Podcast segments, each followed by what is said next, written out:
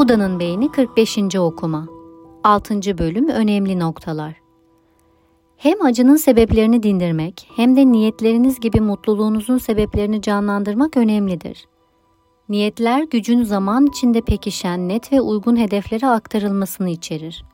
Beyninizdeki niyetlerin çoğu farkındalığın dışında işler.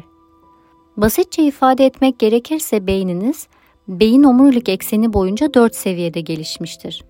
Bu katmanlar motivasyonunuzu sürdürmek için birlikte çalışır.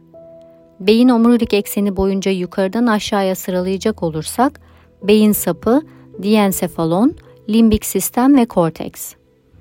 Genel anlamda beyin omurilik ekseninde aşağı indikçe gelen yanıt daha hızlı, daha yoğun ve daha otomatiktir.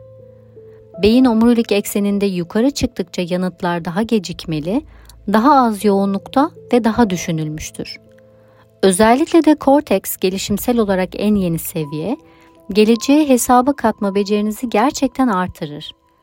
Geleceği göz önünde tutarak hareket etmek genellikle daha akıllıcadır.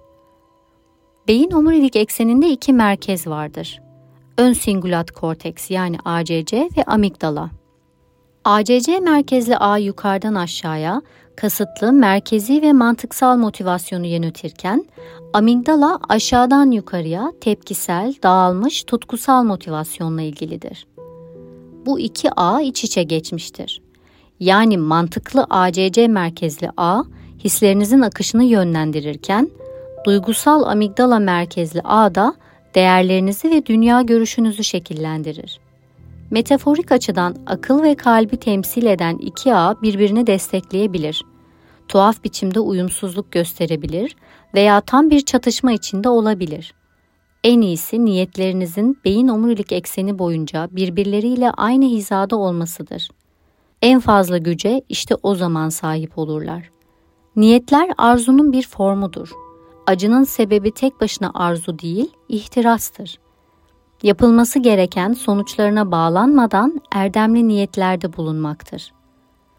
İçsel güç, ılımlı bir sebat duygusu da dahil olmak üzere pek çok formda gelir. Gücün bedeninizde nasıl hisler yarattığını anlayın. Böylece onu tekrar çağırabilirsiniz. Sinirsel yolları derinleştirmek üzere güç hislerini kasıtlı olarak uyandırın.